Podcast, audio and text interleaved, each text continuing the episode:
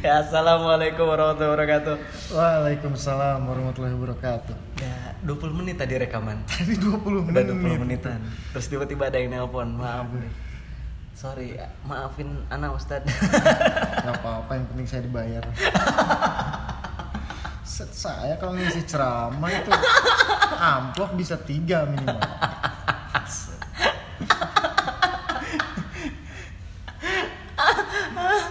Oke, selamat datang kembali. Alhamdulillah. Selamat datang dan hadir kembali di podcast Sinaugural. Udah sampai episode 4. Yoi. Hari ini di episode kali ini bukan hari ini, di episode kali ini soalnya kan kita nggak tahu orang dengerinnya kapan ya. Bisa jadi 10 tahun ke depan baru dengerin. Depan. Karena memang ya gitulah, sesuatu yang bagus itu aja akan ditemukan oleh orang-orang yang bagus juga Nah. gitu. Makanya antum-antum yang mendengarkan podcast inaugural Itu pastinya udah dapat hidayah. udah dapat hidayah. Udah dapat hidayah. Dibimbing menuju kebaikan-kebaikan yang lucu. Nah. gitu. oh. Kayak MLI sih. Dikit. Bentar, bakar rokok dulu.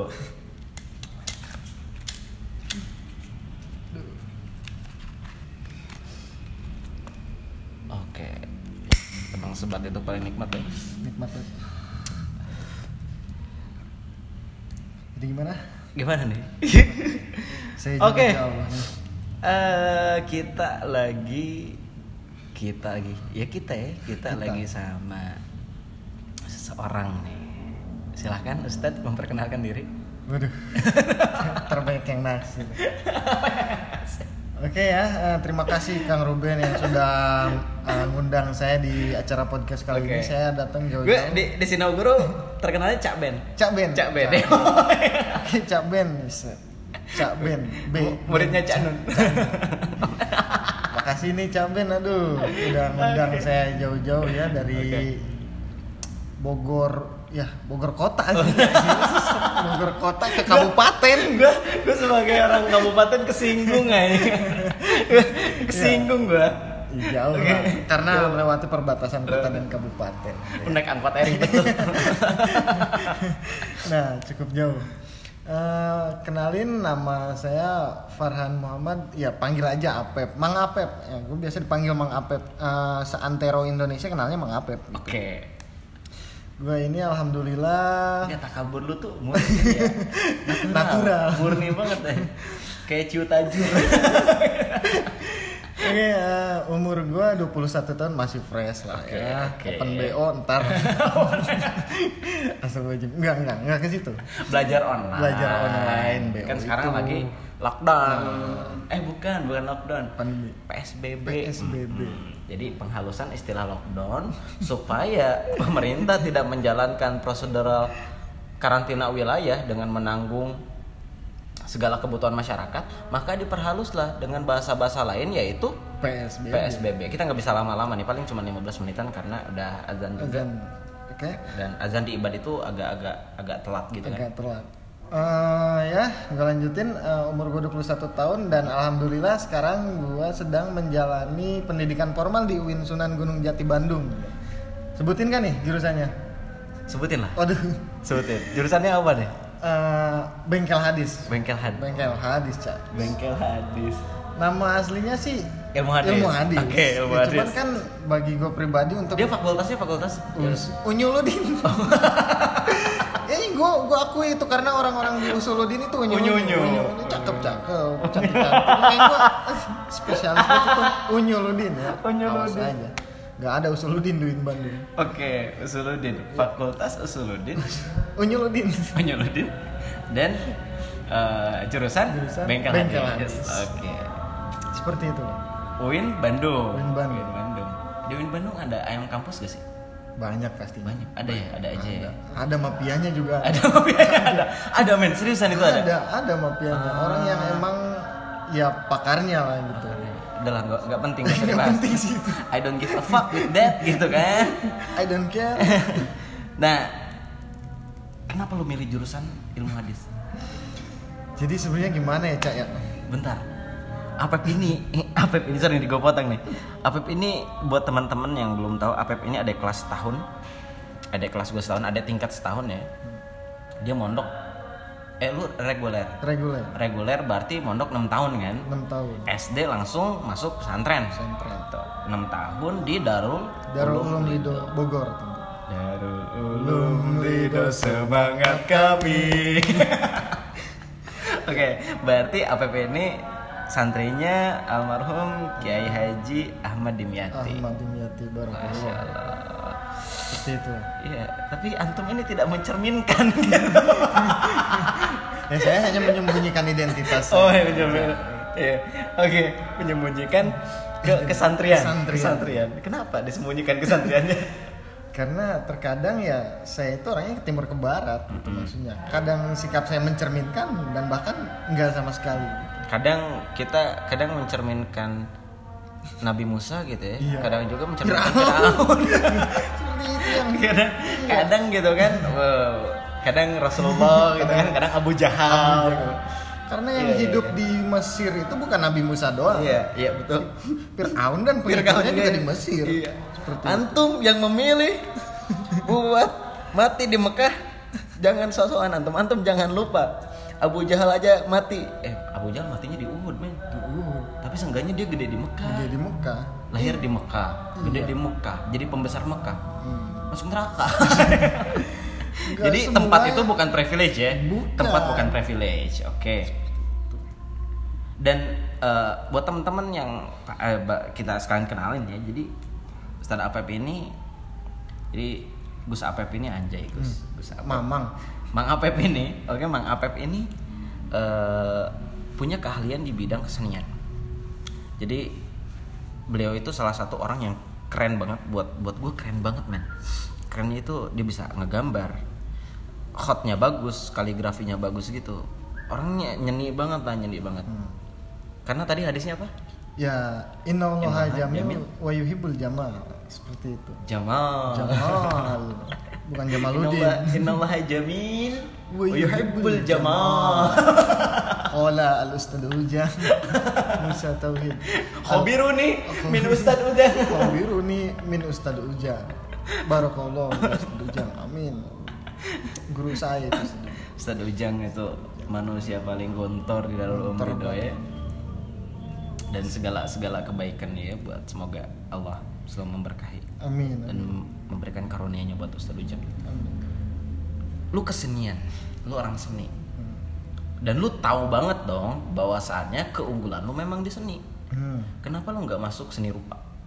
Seni rupa gitu ya Desain grafis Hmm, hmm, hmm. Ya bagi gue pribadi sih Ya gue udah punya gitulah Hmm, dasarnya, dasarnya. gitu men dasar Dan untuk- itu nggak perlu dipelajari secara formal. nah nggak Oke, perlu bahkan setuju, setuju. bahkan gue sendiri bete gitu kalau yang namanya ikut eh, komunitas-komunitas atau misalkan Hmm. ikut pelajaran-pelajaran yang berbau seni gue lebih suka ketemu orang yang bisa berkarya dan itu dia mau Nge-share. berdiskusi bareng Iya, gitu tips and triknya. iya trip and triknya kayak gitu. Cara memotong pensil hot dengan baik dan benar gitu. Nah, bisa juga Oke oke ya ya paham paham dan akhirnya lo masuklah ke jurusan ilmu hadis. ilmu hadis. Gimana ceritanya lo bisa masuk ilmu hadis? Aduh, sebenarnya gimana ya, Cak? Aduh, saya masuk ilmu hadis itu. Aduh, saya sih lebih senang nyebutnya bengkel hadis. Bengkel hadis. Oke. Meskipun saya ya bangga sih. Eh bang, Sedikit- lu bangga tapi kan Bangga. masuk ilmu hadis. Karena gue bisa menemukan hal baru tentunya. Ya, jadi sedikit cerita gitu, Cak ya. Saya masuk ilmu hadis itu dulu uh, setelah saya selesai Ngabdi. mengabdi. Nah, eh, bisa tahu juga ya sedikit informasi gue dulu ngabdi di pondok pesantren Ibadur Rahman Cilengsi gitu. Masya Allah. Itu gue cinta banget sama pesantren itu. Santrinya Kiai Ahmad Taufik Abdurrahman. Abdurrahman MA. Barakallah. Luar biasa beliau itu idola semua orang yang ngabdi di sini. pasti. Kalau kalian belum kenal beliau, uh, Gimana ya? Gimana? Kurs gitu kan. Kurs gitu. Kekurangan. harus harus untuk tercet aja nah. Kenalan lah beliau keren Kenalan banget. harus. Nah, eh, lalu saya tuh suatu ketika pengen daftar kuliah gitu, Cak. Iya. Nah, pengen daftar kuliah. Dan emang khusus di kuliah. Bandung. Ya, saya punya kakak kelas. Nah, kebetulan beliau sebutin ya nih namanya Sebutin. sebutin Sebutin. namanya itu Muhammad Ridho Rojuli Dia kagak pakai Muhammad, men. eh iya Ridho Rojuli, Ridho Rojuli. bin Yusuf Bin Yusuf. Yusuf Atau lebih kita kita kenal dengan Ibnu Yusuf. Ibnu Yusuf gue seneng banget tuh kalau udah ngeledek gitu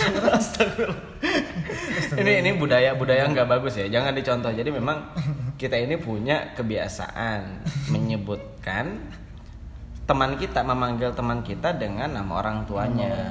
Dengan maksud memuliakan orang tuanya gitu kan. Walaupun kedengarannya kayak bercanda kayak misalkan saya ke Ustadz Apep gitu manggil ya Ibnu Heri gitu kan.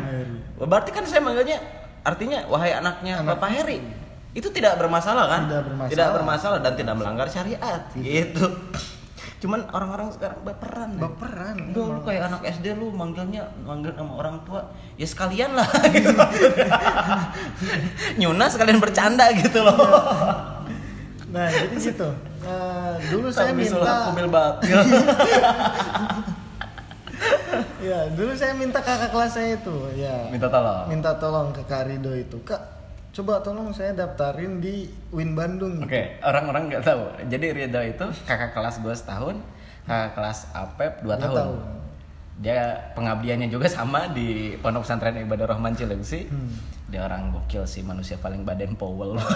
Powell Pokoknya pramuka bet tuh orangnya. enam tahun di pondok gebrak doang kayaknya kalau misalkan ada pelajaran gebrak nilainya A 100 Set, ada sedikit tetesan darah dari badan Powell Jadi tiap tiap tiap apa awal awal badan powell. Powell badan Powell Asyik al badan pool. yang mimpin Suwi. solawat tahlil itu dia Powell badan Powell Jadi ya ya aja pakai hadro. bahkan kayaknya ada silsilahnya dikit dari anaknya Peter Heather Betty itu turun ke gua nggak apal loh. Gua nggak apal. Gua anak pramuka gua nggak apal nama-nama anak-anak yang badan pol. Silsilahnya badan pol gimana? Terus nanti badan pol kan nasabnya nak nyampe ke nyampe ke Nabi Adam gitu kan. mungkin Ridho apal, Ridho mungkin Ridho iya, apal. ada darahnya dikit Oke lo, lo minta tolong sama sama Rido nih buat didaftarin Queen Bandung terus Iya. gimana? Nah, gue di situ nggak nyebutin kalau gue minta tolong daftarin ke jurusan ilmu hadis. Gue cuma minta daftarin doang. Kalau misalkan perihal jurusan, ntar gue pikirin. Iya. Gue mau istihoroh Iya. juga Nah. kan pastinya. Yang cocok jurusan apa. Nah, selang kemudian nggak ada kabar. Hmm. Ternyata pemilihan jurusan itu udah dipilih sama dia. jadi jadi yang milihin ilmu hadis itu dia. kan ah gimana ya? bajigur juga ya. juga insan. Untung insan. ini insan konyol ini. Insan. Oke, Yusuf. jadi jadi sebenarnya lu bisa dibilang terjebak ya. Terjebak. Tanpa tanpa keinginan bisa jadi Pep lu masuk ilmu hadis ini takdir. Takdir dong. mungkin. Karena bukan keinginan lu gitu. Hmm, Jadi Tapi kan setiap takdir pasti ada jawabannya. Iya. Mungkin gue belum menemukan jawabannya. without ikhtiar gitu lu masuk ilmu hadis kan maksudnya kalau orang kan pengen masuk ilmu hadis daftar, gitu Daftar. memang pilihan pertamanya ilmu hadis gitu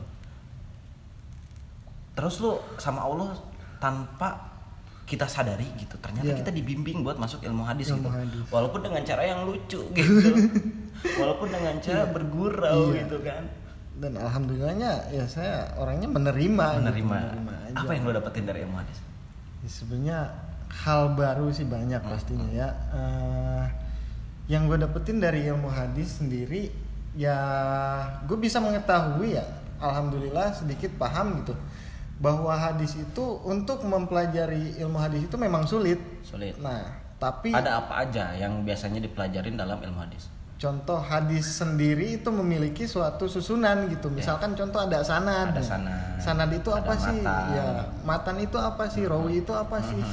Eh, rawi yang kita ketahui itu siapa kayak gitu dan hadis-hadis yang diriwayatkan oleh imam ini Lu imam klasifikasi itu, hadis. mengklasifikasi hadis seperti itu. itu dipelajarin juga tuh Dipelajari. berarti dari hadis eh, paling tinggi itu kan Sahih. sahih, hasan Hasan. terus Eh, doif. Daif baru makbul eh, makbul lagi bukan? Maudu. Maudu. Makbul mah. makbul mah iya. Nah, Yudisium. Yudisium. eh, lu kan lulusan pesantren. Yudisium lu apa? Kok bisa-bisanya ke sini ya? Yudisium lu apa? Nah, yudisium gue sih sebenarnya sebenarnya nih ya. Gue punya sedikit konflik. Eh, lu jahit kan harusnya kan? Harusnya itu Harusnya lu jahit. Bahkan di rapot juga tertera seperti Tertera itu. jahit. Jahit. Tapi pas dipanggil pas dipanggil gue doif. doif. Tinggian doif atau makbul? Makbul. Makbul itu cukup. Cukup. Cukup. Kalau doif itu Doif itu D. bisa lemah atau kurang. Iya kan secara secara bahasa aja doif tuh lemah. Lemah. Seperti itu. Oke. Tapi enggak, gue aneh men. Maksudnya gini, eh, buat teman-teman gue gue kenal lumayan kenal ya, belum kenal banget. Gue tahu Apep Apep itu pinter. Gue masuk klasifikasi orang cerdas lah. Kok bisa doif gitu kan? Pasti ada sesuatu yang tidak selesai gitu ketika lu mondok. Hafalan. Disebutin. Iya, iya, iya, iya. Aduh. Jadi, aduh gimana gue Ah, apa tuh namanya tuh kalau kalau di sini kan Hifzusuar, skis. di sana hifzusuar. Hifzusuar. Jadi hifzusuar itu 12 surat. 12 surat. Hifzu itu hafalan. Suar itu jama dari suroh. Heeh. Suar, surat-surat. Jadi hafalan surat-surat. Yaitu surat yang dihafalan itu ada 12 surat itu. Kayak Al-Muluk, pokoknya Heeh. juz 28 29. Nah, ketika itu men jujur gue waktu itu ketika menghadapi ujian itu gue emang orangnya itu terlalu santai dan kadang bahkan santainya itu berlebihan bahkan gue Malas ya? malesnya itu bahkan bukan males lagi sih kata gue gue terlalu menyepelekan men yang itu gue sesali itu gue orangnya menyepelekan Nah, ini gitu. pasti kan nanti ternyata ada santri-santri. Ada adik-adik kita nih yang masih mesantren. Antum di Ibadur Rahman itu ada namanya skis. Hmm. Di DU ada namanya Hibjuswar. Ah, ya sama lah intinya ngafal 12 surat khusus pilihan. Antum hafalin. Ini Hafalin. penting minimal nanti antum kalau punya hafalan ini jadi imam terawih gampang. Nah, seperti itu Kepake buat imam terawih. Ini jangan kulhuwallah Kulu mulu. oh enggak di gue istilahnya alkunas Alkunas. Alkunas. Al-Falakin. Al-Falak, Kul Falakin, Huwallah, nas, Binas. falakin. Alkunas. Alkunas. Apa coba? Tukang sapu-sapu. Alkunas. Eh, ini tabat lagi, tabat lagi gitu kan. Coba ganti gitu kan.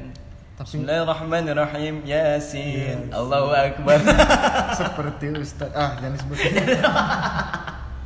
Ridho Ibnu Yusuf. Dia konyol terawih waktu itu 2015 diceritain gitu kan khabirun nih min Ustadz Billy Maulana. Bin Bapak Asep. Beliau eh, bilang gitu kan Ridho parah katanya ngimumin terawih Udah bacanya cepet kan di wasal Bismillahirrahmanirrahim. Alif Lam Mim. Allahu Akbar. Gak bagus. Tapi segitu. Gak bagus. Gak apa-apa.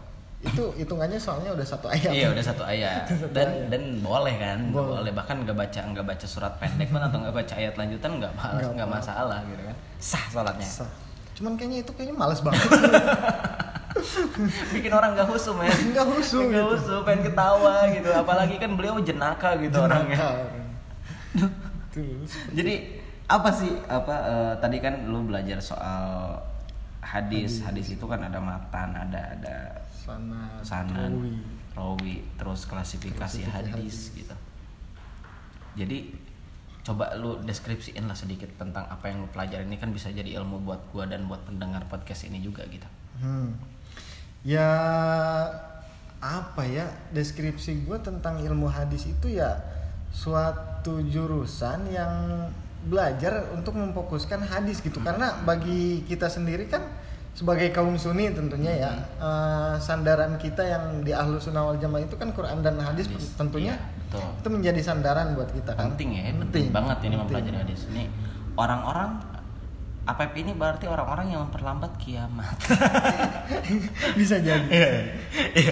panitia kiamat 2012 Alumni. alumni Buhon 2012 apa jadi kita udah dua kali ini ya dua kali selamat kiamat 2012 sama 15 Ramadan 2020 Dua dua dua Komplek menghantam bumi. Siapa tahu jatuhnya di rumah gua. Iya.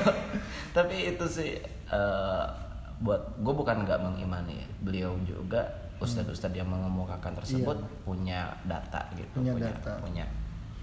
Walaupun mungkin datanya nggak kuat kayak gitu bisa dipertanyakan keabsahannya gitu. Cuman eh, di kalangan orang-orang non akademisi terutama yang mendapatkan akses informasi soal ilmu keislaman kurang itu agak ngerepotin men Agak ngerepotin. maksudnya ba- jadi banyak yang ngechat gua nyokap gua aja ah bener bukan gini oh nanti bunda harus ngunci pintu katanya Jangan keluar. ya jangan keluar gitu ya gitulah jadi menimbulkan malah keresahan gitu Iya. harusnya kan ketika memang dikabarkan kepada kita ciri-ciri kiamat kayak gitu itu kan menambah keimanan Menambah kita harusnya, keimanan. gitu cuman malah jadi takutnya sama kiamat bukan takut sama Allah kiamat itu makhluk gak sih Hmm, bisa gua katain sih makhluk. makhluk kan Makhluk. makhluk kan Makhluk. Soalnya Berarti ada wujudnya. ketika kita takut sama makhluk Hmm.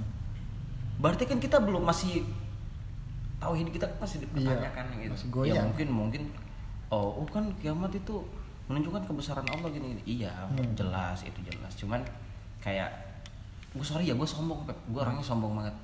Demi Allah gue kagak kegoda tuh sama surga. Gue kegoda surga tuh bukan karena tajri minta anhar terus karena eh, kulama ruziku minha min samarati rizqalakum terus ataupun karena uh, mutoharoh itu kan yang para bidadari yang selalu perawan setiap harinya Iya. gitu tapi yang paling bikin gue tergoda pengen masuk surga tuh cuma satu Apa tuh? menatap wajhullah itu kan Ah. berarti kan kita pahami nih ini ini ini penafsiran penafsiran saya ya. dan pernah saya diskusikan dengan guru-guru saya juga dan beliau mengiyakan jadi insya Allah ada kebaikan misalnya ada kebaikan yang bisa diambil Hmm. kenapa sih orang-orang eh, Allah gitu kan ngegambarnya surga itu ada sungai. Karena Al-Quran juga kan kita tahu turun di Jazirah Arab. Iya. Jazirah Arab tuh gurun men. Gurun. Sobat gurun gurun. dong berarti sobat gurun. Gue sobat gurun dong. Kadrun. Kadal gurun gitu. ya Allah. Oke gitu. Kan sungai itu karena mereka jarang nemu sungai berarti sungai itu hal yang wah dong. Iya. makanya iming-iming surga itu salah satunya adalah keindahan sungai Sungai. yang kedua banyak juga orang yang jomblo melajang karena harus berjihad dan akhirnya mati dalam syahid ketika peperangan Iya. ketika jihad makanya digoda eh, bukan digoda diimi bukan diiming diimbal Diimbal. diberikan imbali da, berikan imbalan yaitu bidadari terus apalagi ya tadi Soal- makanan makanan. makanan gitu kan buah-buahan karena memang selama hidupnya ada beberapa orang yang dihadapkan dengan kelaparan kelaparan Hmm. kayak gitu nah buat orang-orang yang lempeng bukan lempeng ya yang nggak matre Hmm. gue bilang materialistik orang yang rajin ibadah tuh ada loh yang materialistik Ada. materialistik seorang yang beribadah adalah ketika dia sholat duha dia akan berpikir gue sholat duha biar dapat rezeki gue sholat tahajud biar dapat eh, biar gampang naik jabatan gitu kan. Biar oh ini itu ini itu gue sholat hajat supaya hajat-hajat gue dikabulin hajat-hajat keduniaan. Iya. tapi ada juga orang-orang yang kayak lu ngapain ibadah? Ya nyembah Allah. Lu ngapain sholat? Ya gue nyembah Allah. Pasti. gue tuh hidup ya illa liya'budun. Gitu kan. Gue cuman ya, sampai nyembah Allah doang. Emang apa sih? Emang harus perlu alasan gitu? Iya. Ya makanya gue bilang gue itu sombong kesombongan gue yang paling besar gue nggak nggak pengen pengen banget sama surga Hmm. dan gue nggak takut banget nggak nggak ada takut takutnya walaupun gue kebakar masih kaget gitu Hmm. gue luka masih berdarah Pasti. tapi kayak lu kenapa sih nggak nggak nggak bikin dosa-dosa gede gitu kan Hmm. gitu kan gue takut Allah men takut takut Allah tuh marah sedangkan kan rahmat Allah tuh luas banget dong sama gue gue alumni SMK IT IT. terus tiba-tiba jadi yang tadinya ilmu teknologi jadi ilmu tafsir. Mutasi. nyebrangnya keras banget kan keras banget. Yang tadinya main sama komputer tiba-tiba harus ketemu sama kitab kitab. gitu kan agak-agak agak wah susah banget. Perlu perlu perjuangan ketika gua beradaptasi dengan lingkungan baru dunia kepesantrenan dengan segala adab-adabnya gitu kan agak repot gitu men. Ya, tapi ini loh keindahan rahmat Allah yang Allah kasih ke gua gitu. Allah bener tuh ada taufik ada hidayah. Ada. Itu kan entah hidayah dulu ataupun taufik ataupun taufik dulu baru hidayah kan gitu. Iya. menurut lu mana taufik dulu hidayah dulu? Menurut gua sih taufik dulu. Taufik dulu? Taufik. kenapa taufik dulu? Taufik itu kan yufakihu fiddin itu kan? Iya. Taufik itu kan. Kenapa man kalau perihal konsep taufik dan hidayah sih gue belum punya argumentasi pribadi ya. Iya. cuman kan gue sering ya denger denger aja Iya. gitu. Taufik dulu baru hidayah. Taufik dulu baru hidayah. Taufik dulu baru hidayah. Bahkan rektor gue dulu sempat salah man ngucapin taufik itu bukan taufik. Tapi? Taifuk bilangin dulu pernah eh, apa sih waktu waktu pembukaan PBAK yang PBAK tuh sekedar tahu ya itu adalah ospek maksudnya pengenalan budaya kampus kan ya. itu kepebelit men. Ngomong taif taufik itu taifuk. Wabillahi taifuk walahi dan itu ketawa buset. Laknat banget kan ya. Kayak piji kayak PG ya kagak ada taifuk. Makanya di situ sampai sekarang men itu pak jadi juk segitu. Kalau gua nutup pembicaraan gua pakai taufik itu suka diganggu-ganggu taifuk taifuk taifuk kan kesel gua.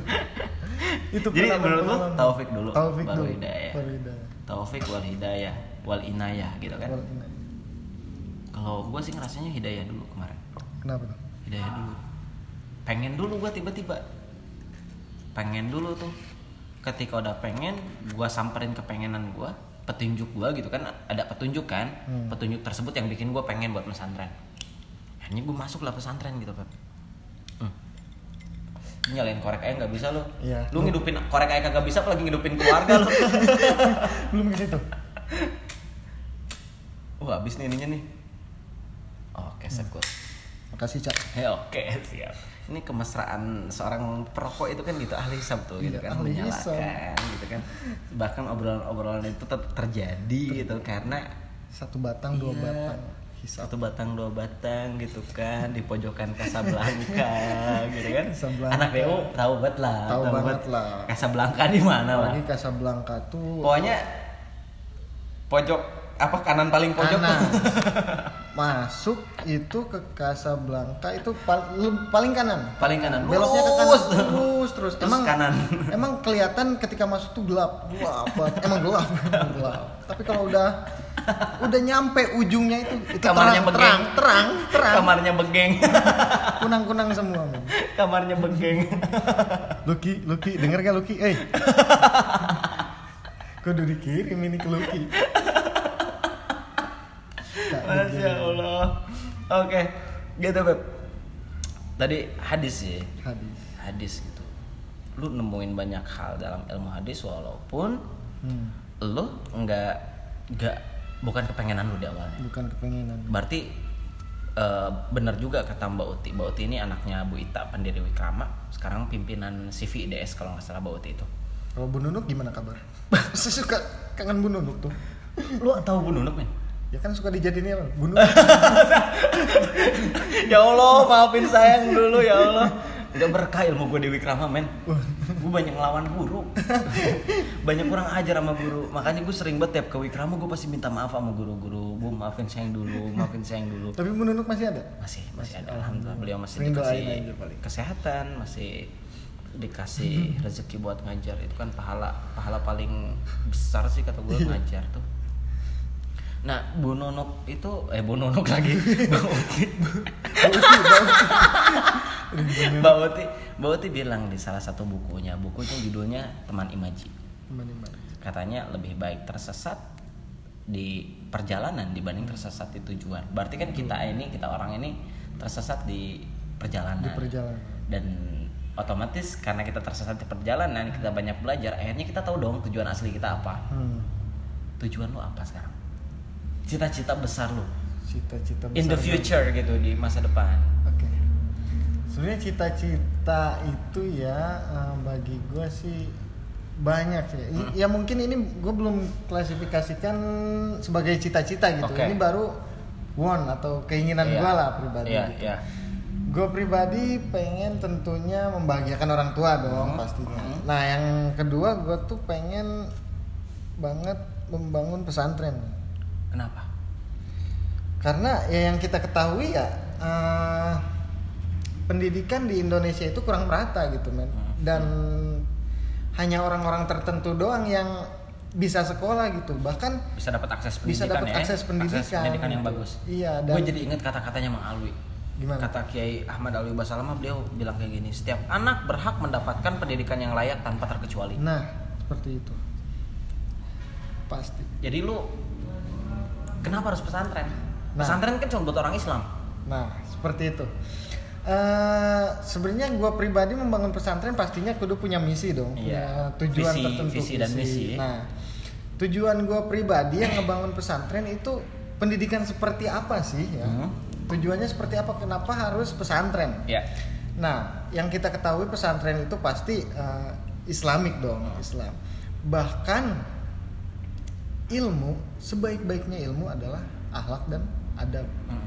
Nah, jadi Oh iya bener. gue simpulkan begini cak gue tuh pengen membangun pesantren dengan kultur Adab. akhlak dan adab, Adab itu itu lebih kenceng. tinggi lebih Iya. kenceng daripada ilmu gue pernah uh, nemuin suatu ungkapan kayak gini cak orang orang berakhlak itu kelihatannya itu bukan karena ilmunya tapi orang berilmu itu kelihatannya Karena- karena ada akhlaknya kayak gitu bukan orang berakhlak itu kelihatan karena ilmunya enggak ilmu itu enggak membawa apa-apa Ya. kalau bukan karena akhlaknya Ya. tetapi sebaliknya Setuju, orang setuju. yang berakhlak itulah yang menunjukkan kalau kita punya ilmu Gokil. seperti itu Nih, no debat gua sama argumen itu itu bener No debat. banget sih dan gue yakin mayoritas orang setuju Hmm. sama hal ini. argumen itu Tapi kan nah, bedanya akhlak sama ilmu menurut lo. Eh apa akhlak, sama adab? adab nah akhlak itu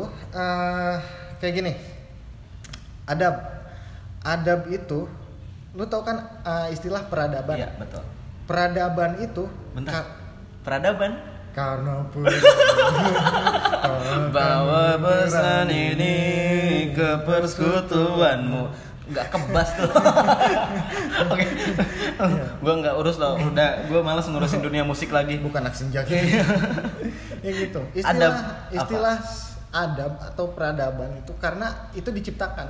Apa bedanya akhlak sama adab? Akhlak itu udah melekat dari diri kita. Tapi kalau adab itu belum melekat. Contohnya kayak gini. Eh, adab itu ada tata caranya. Kalau akhlak itu udah melekat di diri kita. Kalau kayak sifat songong Ah. sifat sombong Itu itu akhlak. akhlak tapi akhlaknya akhlak eh, mazmumah. mazmumah. Mm-mm. buruk seperti itu. Nah ada akhlak karimah karimah yang baik. Nah Ya, itu mahmudah, udah mahmudah. mahmudah. Nah, itu udah menempel di diri kita. Tapi kalau adab itu ada tata caranya. Contoh eh, Adab sholat. nah adab sholat. Harus itu kan harus dipelajari. ya, oh iya. Berarti Adab- adab itu input dari dipelajari. luar ya input dibuat dari luar. atau dipelajari. Nah pemahaman gue adab itu kayak tadi. Makanya mau orang beriman ataupun tidak beriman itu bisa membangun peradaban. Hmm. bisa memiliki adab. Bisa men- Tapi akhlak itu hanya akan muncul ketika makhluk menyembah yang holik. yang holik Itu juga akhlak makhluk holik. holik. Jangan-jangan mereka dari akar kata yang sama. iya Bener kan? holak kok kan? holak Nah, jadi buat teman-teman gitu. Kok orang tersebut bisa berakhlak karena mereka ya itu peribadatan tadi. peribadatan Itu loh, peribadahan itu ngaruh banget sih ke diri kita ya. Salah satunya Hmm, ya akhlak itu. Akhlak. Makanya kata Sujiwo Tejo sholatnya yang ngendi gitu. Sholatnya di mana? Sholat yang mana? gitu. Ada nggak sih manifestasi sholat kita gitu? Kayak di sholat kan kita mengucapkan yang baik-baik gitu. Tapi kadang kan kita masih suka ngomong kasar. Hmm. masih suka ngomong jorok gitu. Yaitu kekurangan kita lah mungkin memang dalam sholat gua gitu gua gua pribadi masih banyak yang belum betul. Kadang sholat masih ngelamun. Uzkur uzkur kaza uzkur kaza. Gitu kan utang men. Inget ini inget inget kosan belum bayar. UKT belum. UKT ditahan. Bapak Rektor, tolong dengarkan jeritan mahasiswa Bapak. Gua minta pesen saya ini ntar sebar ke dosen-dosen. Oke, eh, Bapak ini tolong ya buat teman-teman UIN se-Indonesia. se-Indonesia tolong inilah. Iya. Ngerti lah. ngerti lah gitu. Nggak semua yang kuliah itu punya duit, Punya duit, gitu Pak. pak. Kita kalau bisa bayar bayar pak. Orang tua kita tuh orang tua kita harus pers baju dulu pak. Baju, keringet dulu. Keringet dulu. harus nyuci dulu di rumah tetangga pak biar bisa makan. Kenapa ini ada konsep? Itu kan dulu tuh dulu al ilmu nurun Nurun. ilmu itu cahaya Cahaya. al ilmu nurun gitu kan Iya. Wa nurullah la yudalil as. Tapi sekarang beda men. al ilmu nurun Wal bayaran naik. Wah. bayaran naik guys. ilmu Ilmunya- nurun al ilmu nurun bayaran naik gitu kan Ilmunya nurun. Bayarannya naik. ya karena bener sih ternyata semakin mahal pendidikan tapi kualitas adabnya Nah, dan akhlaknya tuh hampir nggak ada Nggak men. ada. iya nggak sih? Iya, itu lu lihat deh lihat deh cara cara cara orang-orang dah- dahulu santri-santri dahulu ulama-ulama kayak gini loh. Syafi'i itu bukan belum bukan nggak pernah ngedebat bukan ngedebat ya berargumen adu argumen dengan Imam Maliki. Hmm, Imam Malik itu eh, nama aslinya Malik bin Anas. Malik bin Anas. Terus Muhammad bin Idris. Muwatta. Al. Muwatta ya Al Muwatta itu kitab hadis paling tebel ya. Oh dah, dah, lu paling paham dah. Berarti emang emang maliki banget kan? Maliki. emang maliki banget kan? Anak ilmu hadis maliki banget kan? Insya Allah. sebenarnya kalau mungkin filsafat Islam baru tuh. Iya. Hanafi banget. Hanafi. Hanafi, banget. Gua Hanafi. Gua Hanafi. Gua Hanafi banget deh. Karena gua gua lemah banget pep. Gua hafalan lemah gitu kan Ya, gua, ke- ke- kekuatan gua ada di situ di akal gitu. Di akal. di akal. Dan punya intuisi yang kuat gitu. Intuisi yang tajam anjay. Amin, ya Amin. Allah. Ya. Dan kenapa sih gitu? Harus mahal pak gitu pak. Bukan mahal ya. Gimana ya? Maksudnya dipersulit gitu. Dipersulit, iya. kenapa sih? Katanya tidak ada kata terlambat untuk belajar tapi bayar UKT telat gak boleh ikut Nah, puas iya.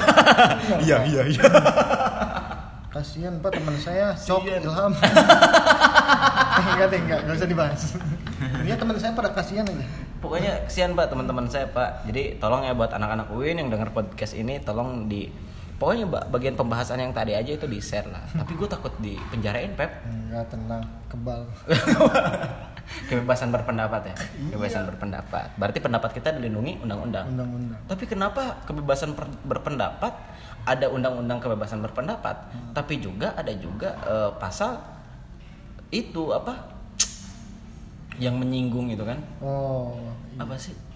apa ya lupa namanya itu. Perlak- perbuatan tidak mengenakan apa sih perlakuan tidak mengenakan nah itulah pokoknya Betul. nggak paham gue nggak paham lah sama itu urusan Nan- nanti gue mau bikin podcast juga nih sama salah satu alumni Darul Quran namanya Ahmad Soheh Ahmad Sohail. Ahmad Soheh dia anak sekarang ilmu ya hukum. Dia hukum jurusan hukum, keren sih dia. Kita lihat nanti seperti apa kecerdasan. Karena beliau memang cerdas banget. Orangnya suka baca juga. Nah ilmu hadis gitu kan. Yang paling keren menurut di ilmu hadis apa? Tentang ilmu hadis Hmm, itu. yang paling keren. Yang paling menarik itu ketika soal kita- keilmuannya ya bukan lingkungannya dulu. Iya, soal keilmuan. Itu ki- ketika kita belajar tahrij, ada namanya ilmu Tahrij. tahrij, hadis. Iya. Jadi kita di situ membongkar sanad, Sanad. dari sanad, Mhm. contohnya sanadnya itu siapa sih yang mendengarkan langsung qaul ucapan ini, tersebut, ucapan Pak. tersebut. Terus uh, nurunya ke siapa lagi, nurunya ke siapa? Mhm. Min anu, min anu, min anu Iya, ya. ah, berhubungan gue pribadi men ya, cak, hmm, gue suka banget gitu yang namanya pelajaran sejarah gitu. Mhm. Nah di sisi itu kita belajar, kita bisa tahu gitu biografi biografi yang tercantum di sana hadis itu. Iya. Bahwasanya uh, Ibnu Abbas itu siapa Iya, sih? Uh, terus uh, an, An Abi Hurairah Iya. itu siapa sih? Iya. Nah di situ, Abi Hurairah tuh cuman hidup tiga tahun bersama Rasul kan? nah seperti itu. tapi dia bisa menjadi salah satu perawi hadis paling banyak Nah perawi paling banyak. Ini kan harus ditanya gitu. Ada kenapa sih orang-orang nanya kenapa kok bisa? Kok bisa sih jadi ulama hadis?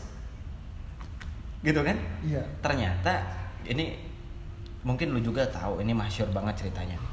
Katanya Abu Hurairah pernah jadi ada hadis juga kan kalau minum jam-jam itu doa dulu.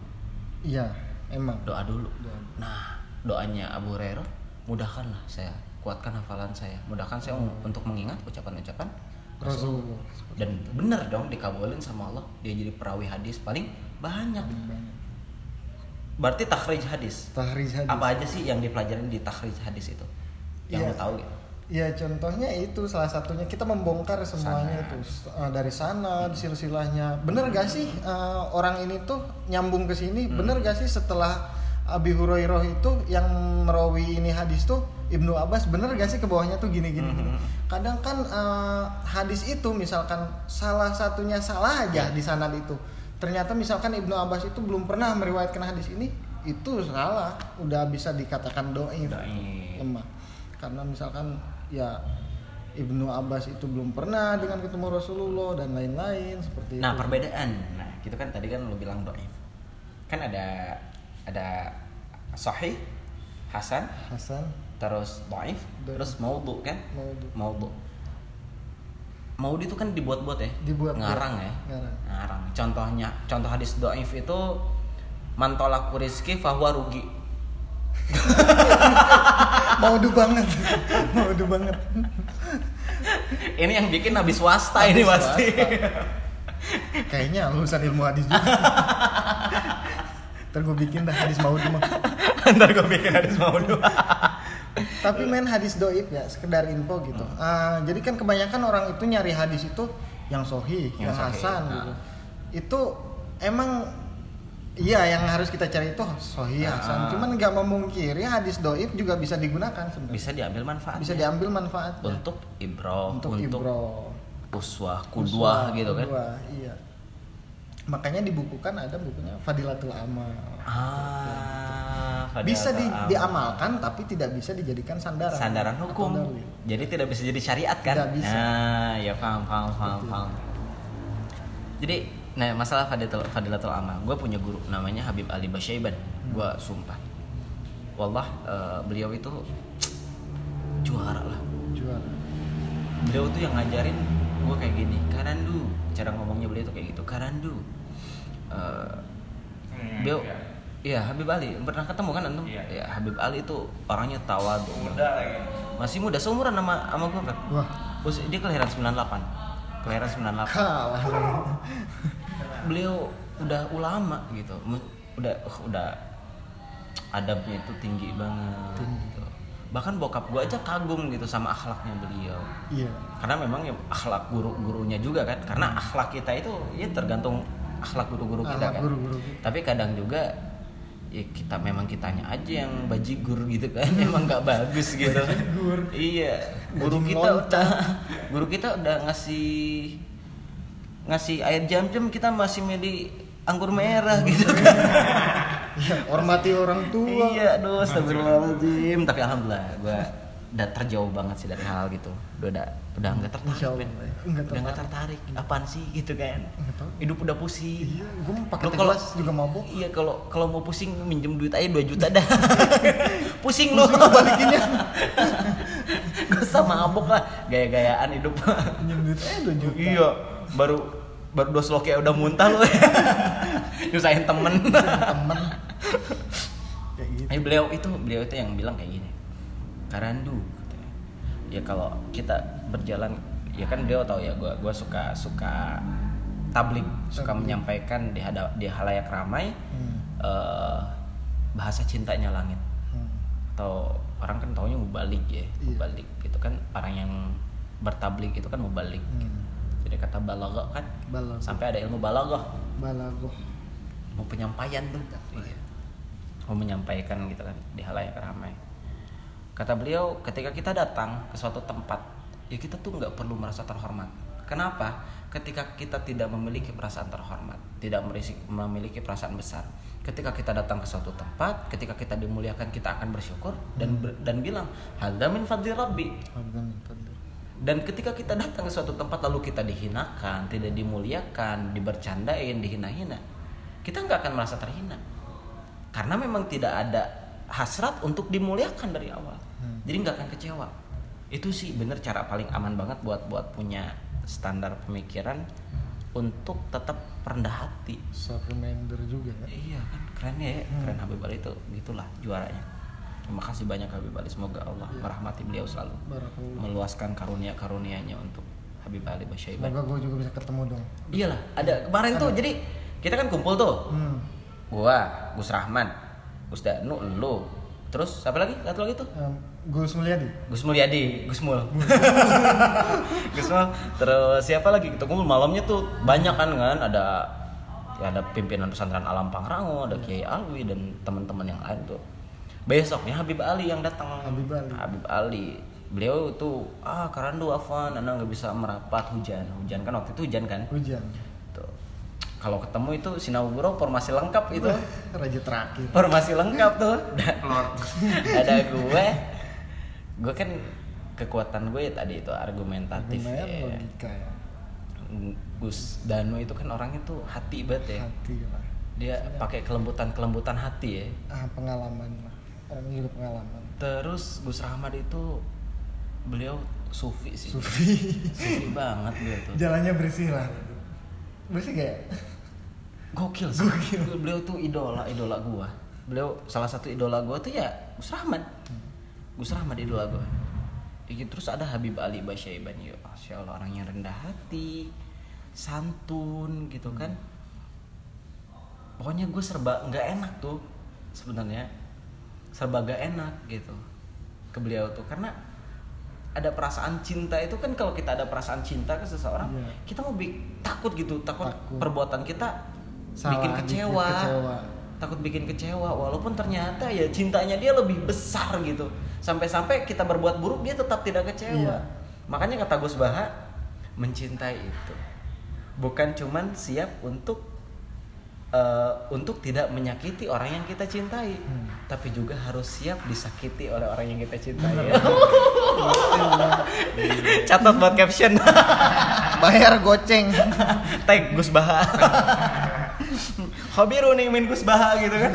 Hadis kan kayak gitu kan baru nih Ah, akhbaruni ya akhbaruni telah dikabarkan kepadaku. Nah matan itu apa? Matan? Iya. Matan itu ya isi hadis tersebut. Isi hadis. Jadi penjelasannya ya. Penjelasan. Maksud dari hadis tersebut. Maksud dari hadis. hadis kan ada kalau Quran kan ada uh, asbabun nuzul. Asbabun nuzul. Kalau hadis? Asbabul khuruj. Asbabul khuruj. Sebab diucapkannya sebuah Ucapannya, hadis. keluarnya. Sebuah hadis. Iya. Nah yang paling berpengaruh nggak sih asbabul khuruj itu? Berpengaruh banget. Ke tafsir hadis? Ke nggak nggak nggak ke nggak ke ke, ke, ke matanya? Ke matanya berpengaruh banget. Karena eh, contoh misalkan ada hadis yang dalam matanya itu ungkapannya asbigul wudu asbigul wudu itu eh, perbaikilah wudu kalian. Artinya? Perbaikilah wudhu Perbaik- kalian. perbaikilah wudu kalian gitu. Maksudnya tuh Nah, maksudnya perbaikilah wudhu kalian itu bukan berarti eh, ya ada beberapa orang contoh lah teman saya itu sendiri ya eh, lengkapilah wudhu kalian maksudnya lengkapi wudhu kalian itu apa sih? Nah kita harus tahu di situ asbabul khurujnya. Nah ternyata yang diungkapkan dalam Rasulullah eh, dalam ucapan Rasulullah itu tuh kita disuruh mengulangi wudhu kita dari awal ternyata gitu yang baru kita ketahui sekarang Iya. ini bukan berarti lengkapi wudhu kita misalkan ada yang kelewat nih Hmm. Ah, di situ sih mengandung hukum juga sih bagi Hmm, saya hukum ya jadi hukum iya ya ada hukum juga di asbigul wudhu itu tuh orang itu ketika itu ah, memahaminya asbigul wudhu itu ketika telinga kita kelewat ah, untuk dibasuh air Iya. kita ulang dari awal Nah, dari kumur kumur nah harusnya ulang dari awal. Nah, bukan eh, dari ke telinga lagi lanjutin lagi, Ah, bukan seperti ah, itu. ah, ah. Jadi itu asbabul hurufnya kita harus tahu kenapa Rasulullah mengungkap- mengungkapkan ah, hadis itu Hmm. dan untuk apa gitu. Iya, Karena iya, di iya, situ tersirat iya. oh sesuatu. iya betul betul betul. Paham paham paham Penting kita eh, maksudnya paham hadis juga. Ada matan ada terus apa lagi tadi? Rawi. Rawi. Rawi itu apa? Nah rawi itu ya yang meriwayatkan, meriwayatkan hadis. perawi. Seperti itu perawi paling terkenal? Rawi yang paling terkenal ya kayak mutafakun alaih. Eh, Nasai contohnya. Anak saya An-Nasai Imam Nasai Ah. mutafakun alaih Ah. rawahu Abu Dawud Muslim kayak gitu. gokil ya gokil banget. Ilmu hadis itu. Jadi closing statement lah. Closing statement. Closing statement bahwasannya eh, urgensi soal urgensi hadis di dalam kehidupan seorang pemuda yang mengaku memiliki keimanan terhadap Allah. Dan kita mengimani Rasul berarti mengimani hadis juga dong. Mengimani hadis. ya enggak? Ya enggak? Iya. ya makanya coba gimana men? Urgensinya tuh kepentingan penting banget ini lu penting banget belajar seorang hadis men. Hmm. kalau ilmu hadis gak penting Hmm. nggak mungkin ada jurusan ilmu hadis dong. Iya ngomong- coba kenapa gimana ya? Aduh urgensi Hmm. pribadi. Intinya ketika kita belajar ilmu hadis itu yang bagi gue yang penting itu ilmu hadis ya hadis sendiri kita bisa menjadikan hadis itu sebagai sandaran kita untuk hidup sebenarnya. Heeh. seperti itu. Eh, istilahnya hidayah juga Buddha juga. Karena hadis sendiri kan beri- bukan berisi eh, tentang zaman dulu juga Iya. tapi tetap namanya? compatible. di zaman sekarang Iya, juga gitu. Fikuli makan fikuli zaman Fikuli ya? makan, fikuli yo iyo iyo iyo cuman bagi gue ya eh, ini sih closing statement gue umum gitu. ya gue cuman berpesan itu doang. Ilmu itu semuanya sama. Ilmu itu semuanya sama. Maksudnya bagi gue sama itu nggak ada lah ilmu yang buruk gitu ilmu Iya. itu semuanya baik. Ya Eh, contoh misalkan ada ungkapan ilmu hitam ilmu putih. Ilmu itu nggak ada yang hitam tergantung penggunanya. penggunaannya. Hitam atau putih. Iya. yo gokil gokil gokil. Keren keren. Masya allah. Luar biasa. Eh, terakhir lupa gua nanya. Iya. harusnya gua nanya. Kitab kitab yang paling terkenal di bidang hadis. Di bidang- Muwatta. uh, muapo kita ya itu terkenal sih. Terkenal. cuman uh, untuk uh, yang mudah dipelajari dan kalangan umum itu ya paling uh, Riyadus Shalihin enggak. Bukan hadis arba'in. Hadis arba'in an nawawi ya. Ya, ya yang terkenal contohnya kayak muator ya Al-Mu'athar. solihin Ah, ah, seperti ah. itu. Cuman yang mudah Bulughul. untuk kita pelajari ya. Kalau bulughul maram bulughul maram uh, Syekh Ibnu Hajar al Asqalani ya itu juga. Seperti itu. berarti orang tuh biasanya belajar ilmu hadis tuh paling bawahnya dulu apa tuh? Kitab apa? Paling bawahnya ya bulughul maram Bulughul? Maram. Uh, bulughul maram Syekh Ibnu Hajar al Asqalani itu Hmm? mem- istimewanya Bulughul Maram itu memiliki pembahasan yang motifnya itu beragam gitu maksudnya Ya. jelas gitu Mhm. lengkap juga di situ jadi perbab gitu ya Berbab gitu. abis bulughul maram habis Bulughul Maram ya mungkin bisa Muato atau Riyadus Solihin paling tinggi tingkatannya itu biasanya apa paling tinggi apa ya kurang tahu gak mungkin ya kayak Muato atau Riyadus Solihin Iya. saya belum sampai atas lah ketidaktahuan itu bukan aib. Iya, Yo, bukan eh, aib. ini buat temen-temen nih yang konyol yang suka kerjanya ngetes-ngetes orang. Gue cuma pengen ngasih tahu ketidaktahuan bukanlah aib. Hmm. Yang aib itu apa? Lu nggak tahu terus lu so tahu itu aib, cuy. Asli, lu kalau nggak tahu bilang aing nggak tahu dan itu nggak masalah. Di kalangan ulama itu nggak tahu itu bukan aib. Oke ya, karena udah berisik juga nih. Gua closing statement gua satu eh, terakhir juga tadi dari Ustadz Apep udah bahwasannya tidak ada ilmu hitam ataupun ilmu putih yang ada hanyalah penggunanya hitam atau putih digunakan untuk hitam ataupun putih closing statement dari gue eh, harus deh kayaknya wajib deh hukumnya deh kita belajar hadis Wajib. deh makanya datanglah ke majelis-majelis ilmu gitu kan datang ke majelis-majelis ilmu terus pelajarin akhlak pelajarin adabnya gitu kan. Pelajarin hal-hal baik fokus kepada kebaikan-kebaikan. Ketika lu fokus sama kebaikan-kebaikan lu akan meninggalkan keburukan-keburukan. Oh ya mungkin satu lagi. Apa tuh Ah, yang bikin penting itu ketika kita belajar hadis itu sering adanya kesalahpahaman gitu. Iya. Ya karena kurangnya belajar hadis contohnya. Hadis yang doib kadang dibilang sohi Ah, seperti ah, itu ah, oleh masyarakat yang kalangan kurang dalam mempelajari hadis. Makanya Iya. bagi gua pentingnya belajar ilmu hadis di situ. Ah, udah berisik banget ini. Sorry, sorry. Udah ada yang ngeband nih, udah mulai. Ya pentingnya di situ Iya. biar nggak ada kesalahpahaman dan nggak ada uh, tertukar gitu mana hadis yang sohi, Iya. mana hadis yang doib dan lain sebagainya. Oke. Itu aja dari Sinau Gurau episode kali ini. Makasih banyak udah berisik banget emang teman-teman gue ini pada ah, janco. Bajigur. Astagfirullahaladzim. Ya, thank you buat teman-teman yang udah dengerin podcast Sinau Gurau. Uh, see you next time. I love you. Jazakumullah khairu jaza. Semoga ada kebaikan-kebaikan yang bisa diambil dari bercandaan kita di podcast kali ini. Itu aja dari kita. Assalamualaikum warahmatullahi wabarakatuh. Waalaikumsalam.